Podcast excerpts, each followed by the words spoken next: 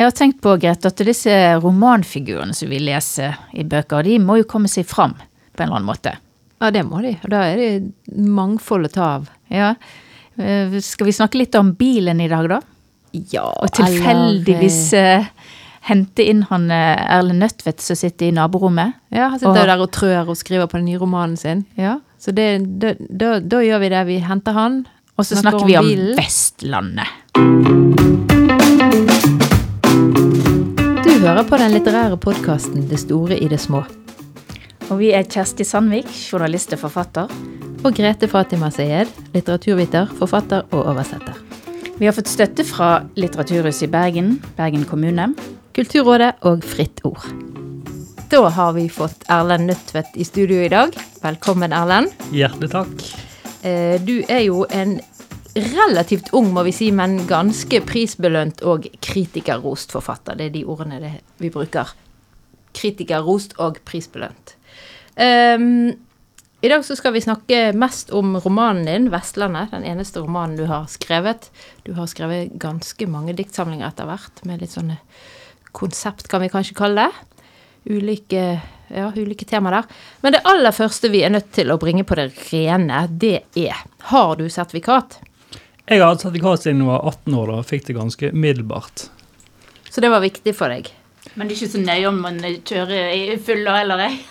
Eh, Jeg er svært mot fyllekjøring da, og jeg har en kjæreste som kommer fra Jostedal i Sogn, og det er jo en blindvei, og det er, ja, det er bare beine veier, og det er ingen som går langs veiene heller, så der tar ikke de det helt på alvor da.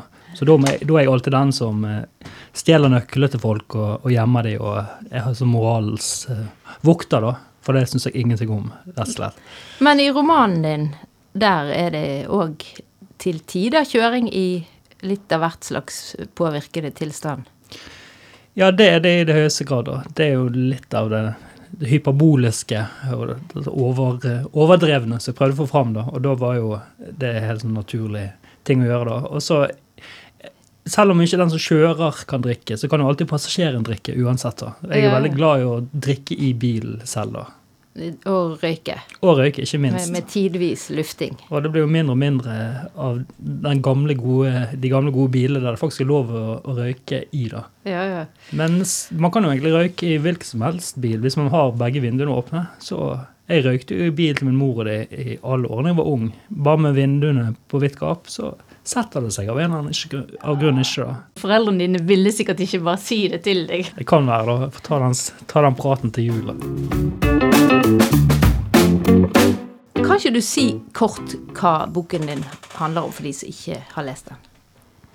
Jo, jeg kan jo prøve. Nå begynner det å bli ganske lenge siden jeg skrev den boken og var i det universet. Men det handler jo om to personer. En forfatteren og hans kamerat Yngve, som legger ut på en odyssé langs svingete vestlandsveier. Eh, De har et slags eh, ledemotiv.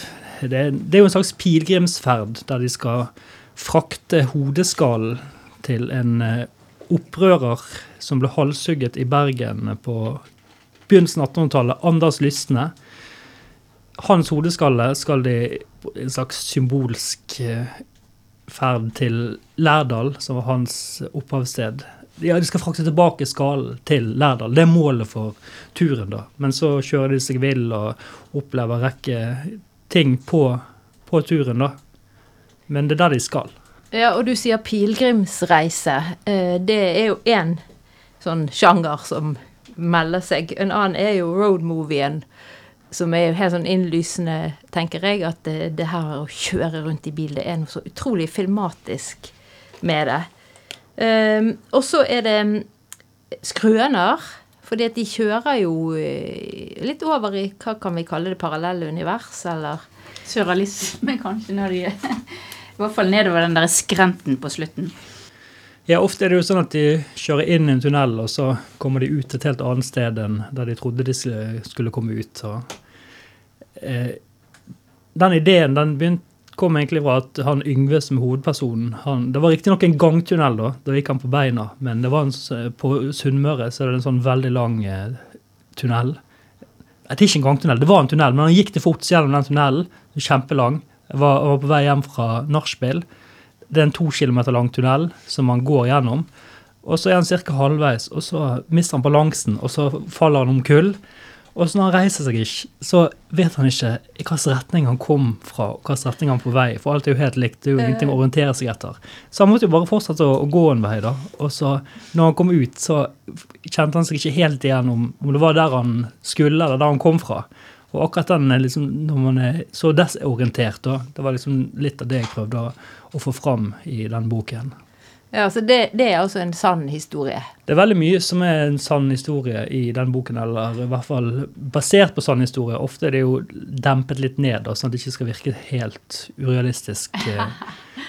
Men eh, meg og Yngve, som er jo den andre hovedpersonen i boken, vi har jo foretatt eh, ganske mange sånne bilturer på Vestlandet. Kjørt rundt overalt. Ofte på måfå og han hadde jo en veldig spesiell bil, da. En Texas-importert Toyota Camry fra 1986. Nikotingul sådan. Og det var jo en bil som virkelig hadde sjel, da. Så en av motivasjonene for å skrive romanen det var jo rett og slett å udødeliggjøre den enormt fete bilen, egentlig. Men jeg tenkte det, det er, liksom, er det bilen som er hovedpersonen her? Det er jo nesten, det har, du, bilde, du har bilde av han her. Og... Han er absolutt en tredje hovedperson, da. Men den, eh, den, bilen som faktisk er på omslaget, det er dessverre en annen, litt nyere bil. For at den opprinnelige bilen den eh, takket for seg og ble kondemnert for ikke så mange år siden. Men var det da sånn at dere først kjørte rundt, og så tenkte du dette må jeg bruke til noe jeg kan skrive en roman? Egentlig var det sånn, da. Ja.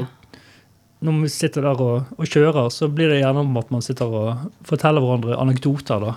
Ja. Og mange av de anekdotene ville bare bruke Bare øse av de som vi hadde sittet og, og preikt om da, på de faktiske mm. turene. Så dere kjørte egentlig Hva var målet for de opprinnelige kjøreturene? da? Var det liksom veien er målet? Eh, akkurat da var han Yngve han var bosatt på Valderøy utenfor Ålesund. Så han kjørte stadig vekk eh, Ålesund-Bergen tur og tur, gjerne en gang i uken. da. Så det var ofte eh, til og fra dit og via omveier. og besøkte folk som bodde forskjellige steder på, langs den ruten osv. Men det var en periode der vi kjørte uendelig mye, da.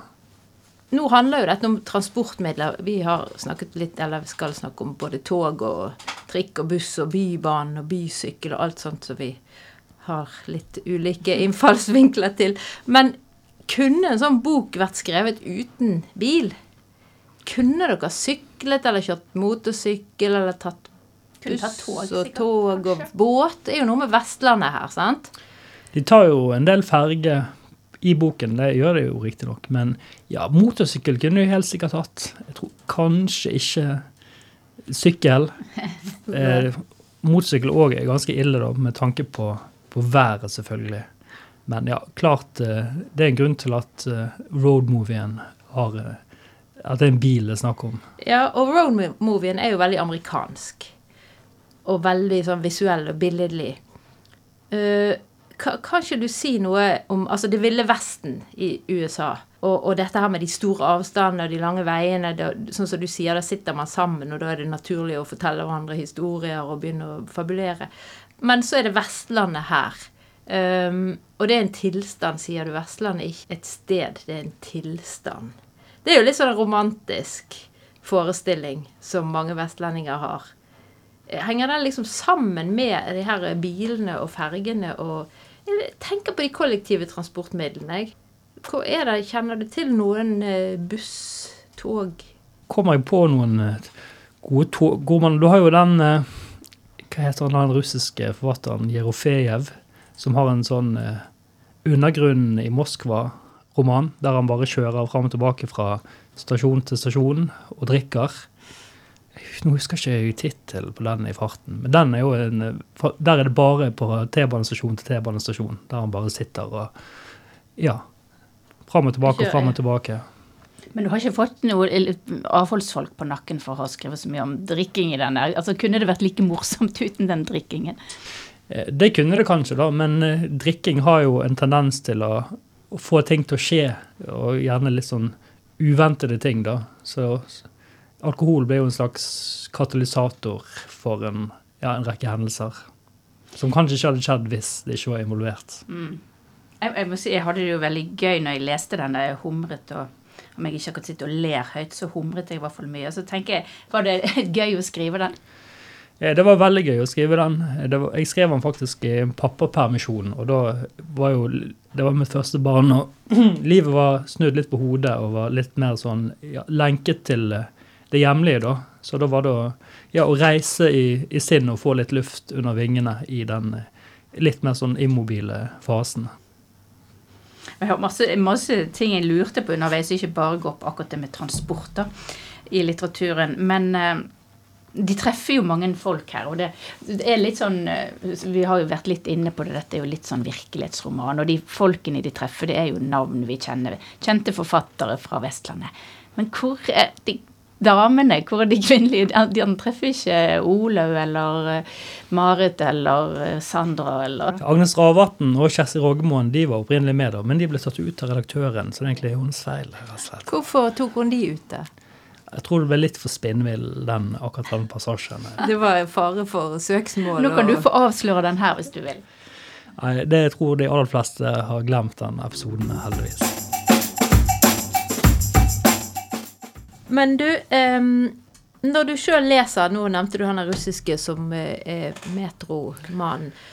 Hva syns du er det mest litterære fremkomstmiddelet, eller transportmiddelet, kommunikasjonsmiddelet? Det fins jo så mye sjøreiser og togreiser og sånn. Har har du noen som du liksom har satt merke i deg? Ja, det er åpenbart eh, bilen og båten, da, som er de to store der. Det er vel ingen som kommer i, i nærheten. Jeg har alltid vært glad i en, i en god sjøroman. Eh, ja eh, Jeg tenkte på Robinson Crusoe, faktisk, eh, som jo eh, handler jo Der mye av handlingen riktignok er fra øyen, den øde øyen, men store deler av den romanen jo, foregår jo andre steder, også på, på sjøen. Så det vil jeg også trekke fram på som en sånn sjøroman som har betydd mye for meg, da. Og den har jo også det eventyrlige og litt sånn det har, Der er noe svev i det. Men ikke tog, altså. Vi, vi har Kommer dere diskutert på det litt. noen? Nei, ikke romaner så mange. Da er det mer som 'Mordet på Orientekspressen' og sånn. Men, men i lyrikken, som er jo kanskje ditt aller nærmeste, så tenker jeg at toget er en veldig sånn poetisk eh, sak. Ja, han har jo, han har jo rytmen, naturligvis, Ja. og, Og tiden. og tiden. Men, Men- så er det også noe at han går litt, kanskje litt for beint fram.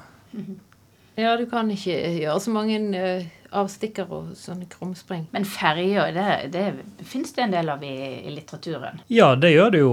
Eh, I hvert fall blant vestlandsforfattere. Ja, denne romanen er jo Det er jo ikke til å legge skjul på at han er ganske inspirert av Ragnar Hovland sine vestlandske veiromaner. Det er jo bygd litt på, på samme lest, og han opptrer jo sågar i, i romanen da, i en liten Ja, kan ikke du fortelle om det? Nei, han bare dukka opp eh, Han måtte bare få en hilsen, så han dukka opp i en sånn trøbåt. En sånn sykkelbåt. Det er jo òg et eh, fremkomstmiddel ute på fjorden, der han bare lemper en flaske whisky til hovedpersonene, da. For at han, han måtte få lov å Du skrev han bare inn for at han, måtte, han hørte til i, i universet? liksom. Absolutt. Og, at, eh, Og Trøbåten er jo sånn Syden eh, Tror du han var fornøyd med det? Han har jo litt sånn Hawaii-tilknytninger, skjønner han? Jo, men jeg tror han var fornøyd med det. og jeg husker, Når vi snakker inn på trøbåt, så husker jeg at det var utenfor Brakanes hotell i Ulvik eh, i forbindelse med Ulvik poesifestival. Da var jeg ute i trøbåt sammen med Olav Øyehaug og Cecilie Holk og Agnes Ravatn og Kjersti Rågemoen. da. I én båt? Nei, da hadde vi to, to båter. Og da hadde jeg vunnet Ung Poesiprisen. Og da hadde en sånn enorm sånn komisk stor sjekk eh, på, så det sto 10 000 kroner på. Så vi drev og kast hente som et sendebrett mellom trøbåtene. Det var jo veldig litterært. I sånne 1800-tallsromaner så er det alltid når noen drukner, for da gikk jo pengene i oppløsning. sant? Eller når de forliser, så blir de reddet Hamsun og Dun og sånn. Men så er hele formuen så de da selvfølgelig De gikk med alt på seg, for de skulle Jeg var litt i stuss om liksom, hvis jeg faktisk Ja, mister den, om, den om, altså bare om det så ryker, da. du summen renne ned. Ikke sant? Men en annen eh, ting som jeg har lurt på som har med det her vestlandsmytologiseringen å gjøre, eller kanskje kunstnermytologien er mer For jeg mener å ha hørt at eh, veldig mange forfattere ikke har sertifikat. Dette vet sikkert du mer om, for du har jo liksom hengt rundt med alle på disse festene. Og at det var liksom sånn intellektuelle av generasjonene før oss, da, kanskje. De, de skulle ikke nedverdige seg til å holde på med sånn kløtsjing og giring, og de skulle bare Jeg tror den myten kommer fra at det var noen svært prominente forfattere som liksom gjorde et nummer ut av at de ikke hadde sertifikat. Dag Solstad spesielt, og, Ja, og Einar Økland og Kjell Askelsen også, hvis jeg ikke tar helt feil. Hva med Rolf Sagen, som er en av dine Rolf Sagen han trengte sertifikat. Han kjørte. Det skal jeg love deg. Både fort og gale. Det regner jeg med, da. Ja. Men, sikkert eh, ikke Kenneth Sivertsen. Han hadde sikkert ikke sertifikat. Nei, han tok i hvert fall mye taxi, da. Ja, det, det, ja, det har vi jo nå. Kjartan Fløgstad, da. Han har jo den der eh, riksveien vestover med taxi helt fra Du kan lese fra bøkene hans at han har sertifikatet. da. Men vi skal hoppe rett tilbake til Kenneth Sivertsen. Det er jo en anekdote Ja, den er i den boken. da. Det er I begravelsen til Kenneth Sivertsen så er det én krans som er utrolig mye større enn alle de andre. Og så lurer alle på hvem den kransen kommer fra. Ja, Er det Kulturrådet, eller er det, hvem er det fra? Og så står det på, ja, på, på båndet Takk for alle gode minner, Kenneth. Bømlo Taxi. Men er, Du sa en anekdote, eller er det en sann historie? Det står i? Katrine Sele sin Kenneth Sivertsen-biografi, så det antar jeg er korrekt. Han er fin når han kom i dette her sjøflyet òg på denne jeg ikke, Er det en fest eller en festival i Førde i boken din? Ja, det er helikop i et helikopter, da. Det var vel Ludvig Eikås sin 70- eller 80-årsdag. Det skal også være en sånn historie at han gjør seg en entré fra et helikopter der han stuper ut eh, rett før det lander, og stuper ut i en rododendronbusk. Vilt og gale liv. ja. Men så lurer jeg på, Dette er nå bare en liten sånn greie, da, men jeg, tenk, jeg drev hele tiden og snudde på det, denne forsiden. Var det du som ville ha bilde av Er det Ja, det er fra Stalheimskleiva av Ise Dahlia. Det er jo et av de mest ikoniske vestlandsbildene. Ja, det er jo bare et signal om at dette her er litt eh, skrudd og litt opp ned og litt på hodet, ja.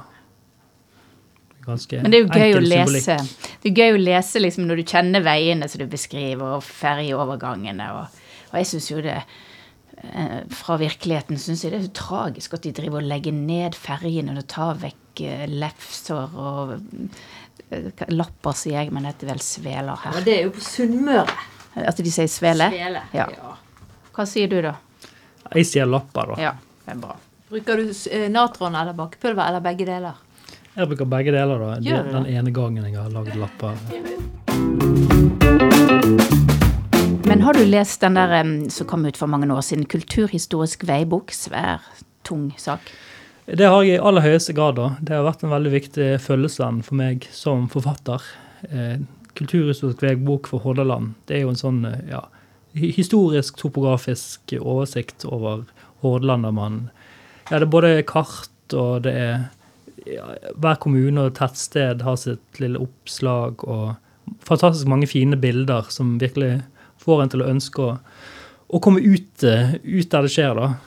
Og Det har òg vært en motivasjon med denne boken. Det er jo liksom å komme seg inn på sideveiene. Allting man bare kjører forbi. Alle skilt opp til høyre og skilt ned til venstre. så man, man aldri svinger ned, da, for man har ikke der å gjøre. Men eh, det har jo vært målet ja, det er jo målet både for meg som forfatter og, og som menneske. da, Det er jo å svinge av fra, fra hovedveien. Og så bare ja, Hva er det som er syv kilometer der inne, egentlig? La oss finne det ut. Det er sidesporene som beriker livet. Men eh, denne boken den var jo veldig populær. Bare tenker, Kanskje det er liksom noe med det òg, at eh, folk kjøpte den, vet ikke sikkert 1000 sider, svær, mange, fem kilo. Og så bare fordi de skulle lese om det bitte lille stedet de sjøl kom fra, kanskje. Det kan jo være, da. Men jeg har jo fremdeles litt sånn sterk hordalandsidentitet, da. Og jeg syns det er helt håpløst at nå kan ikke man si nå skal ikke man si Hordaland lenger, noe som det ikke fins. Men Hordaland er jo et stedsnavn. Det er jo navnet på, på et landskap. Så det er jo helt komisk at man liksom ikke kan bruke At det ikke fins lenger, for det gjør det jo. Det heter Hordaland her, selv om vi ikke er et fylke lenger i helt sånn byråkratisk forstand. Så Hordaland fins. Jeg, måtte jo google han der Anders Lysne, da. Så det er jo en eh, sann historie, det som er Hva- hva sier- Hvordan kom du på akkurat den? Det var egentlig i eh, Etter jeg hadde begynt på boken, så var jeg eh, på et foredrag om de siste som har blitt henrettet i Norge. Og han var en av de aller siste i fredstid som ble, ble henrettet. Og da innså jeg jo fort at han var jo liksom det, det perfekte symbol på denne motstanden mot uh, sentralmakten og overmakten, som jo en, et viktig motiv i, i, boken. da. Så det var helt strålende når han, når han landet uh, i hodet mitt. Ja, for det der med altså, sentralmakten Eh, det er jo òg en ganske vanlig ting i vest versus øst-diskusjoner. Jeg syns jo ofte det er litt irriterende det her med at vi skal si hvorfor Oslo-folk så dumme og alt dette her. Men um, De er jo det. Var det det? Nei. Nei, nå forsvant det fra meg igjen. Beklager. Uh, jeg har et poeng her. Ja, at det er vanlig å bruke at vestlendinger syns at øst, østerfolk tar litt for mye plass. og, og, sentralisering. Ja, men det var noe jeg skulle spørre om. Jeg har glemt det. Men denne mens imens igjen, da, så du sa det er så lenge siden. Den kom ut i 2017. Det er ikke så lenge siden. Nei, men eh, det er veldig sånn for min del i hvert fall at når man er ferdig i en bok, så er man helt helt fullstendig ferdig med stoffet. Jeg finnes ikke interessert i, i Vestlandet eller dikotomien øst-vest. Er du ikke interessert i det? Jeg er helt ferdig med det. da. Jeg er møkk lei Vestlandet. I det? Jeg var jo interessert i det når jeg skrev boken, men mm. så skrev vi det av meg, og nå, jeg bare, nå orker jeg ikke snakke om Vestland og ja, landsdelspatriotisme og sånn. Jeg er helt ferdig med alt sånt. Da skal ikke vi bore mer i den uh, verketanen, men har du lyst til å røpe noe hva du uh, holder på med nå, da? Jeg har jo lært av Stig Holmås eh, at det må man aldri gjøre. da. Ja. Han er jo alltid sånn, har snakket i hjel eh, ideene sine, og folk snapper de opp fort som bare det. da. Men eh, jeg holder jo på nabokontoret fra her vi sitter og spiller inn denne podkasten. Så sitter han og ja, strever med et, en historisk roman, faktisk. da. Hmm. Fra Bergen på 1850-tallet. Så mye kan du kanskje si. Ja, det syns jeg må være en bra appetittvekker. Da kan vi vel egentlig bare sette oss ned og vente og glede oss til den, da? Ja, jeg håper jeg skal klare det på målet å bli ferdig innen ti år, i hvert fall. Du har nå hørt en episode av den litterære podkasten 'Det store i det små'. Og hvis du likte det du hørte, så følg oss gjerne på Facebook og Instagram.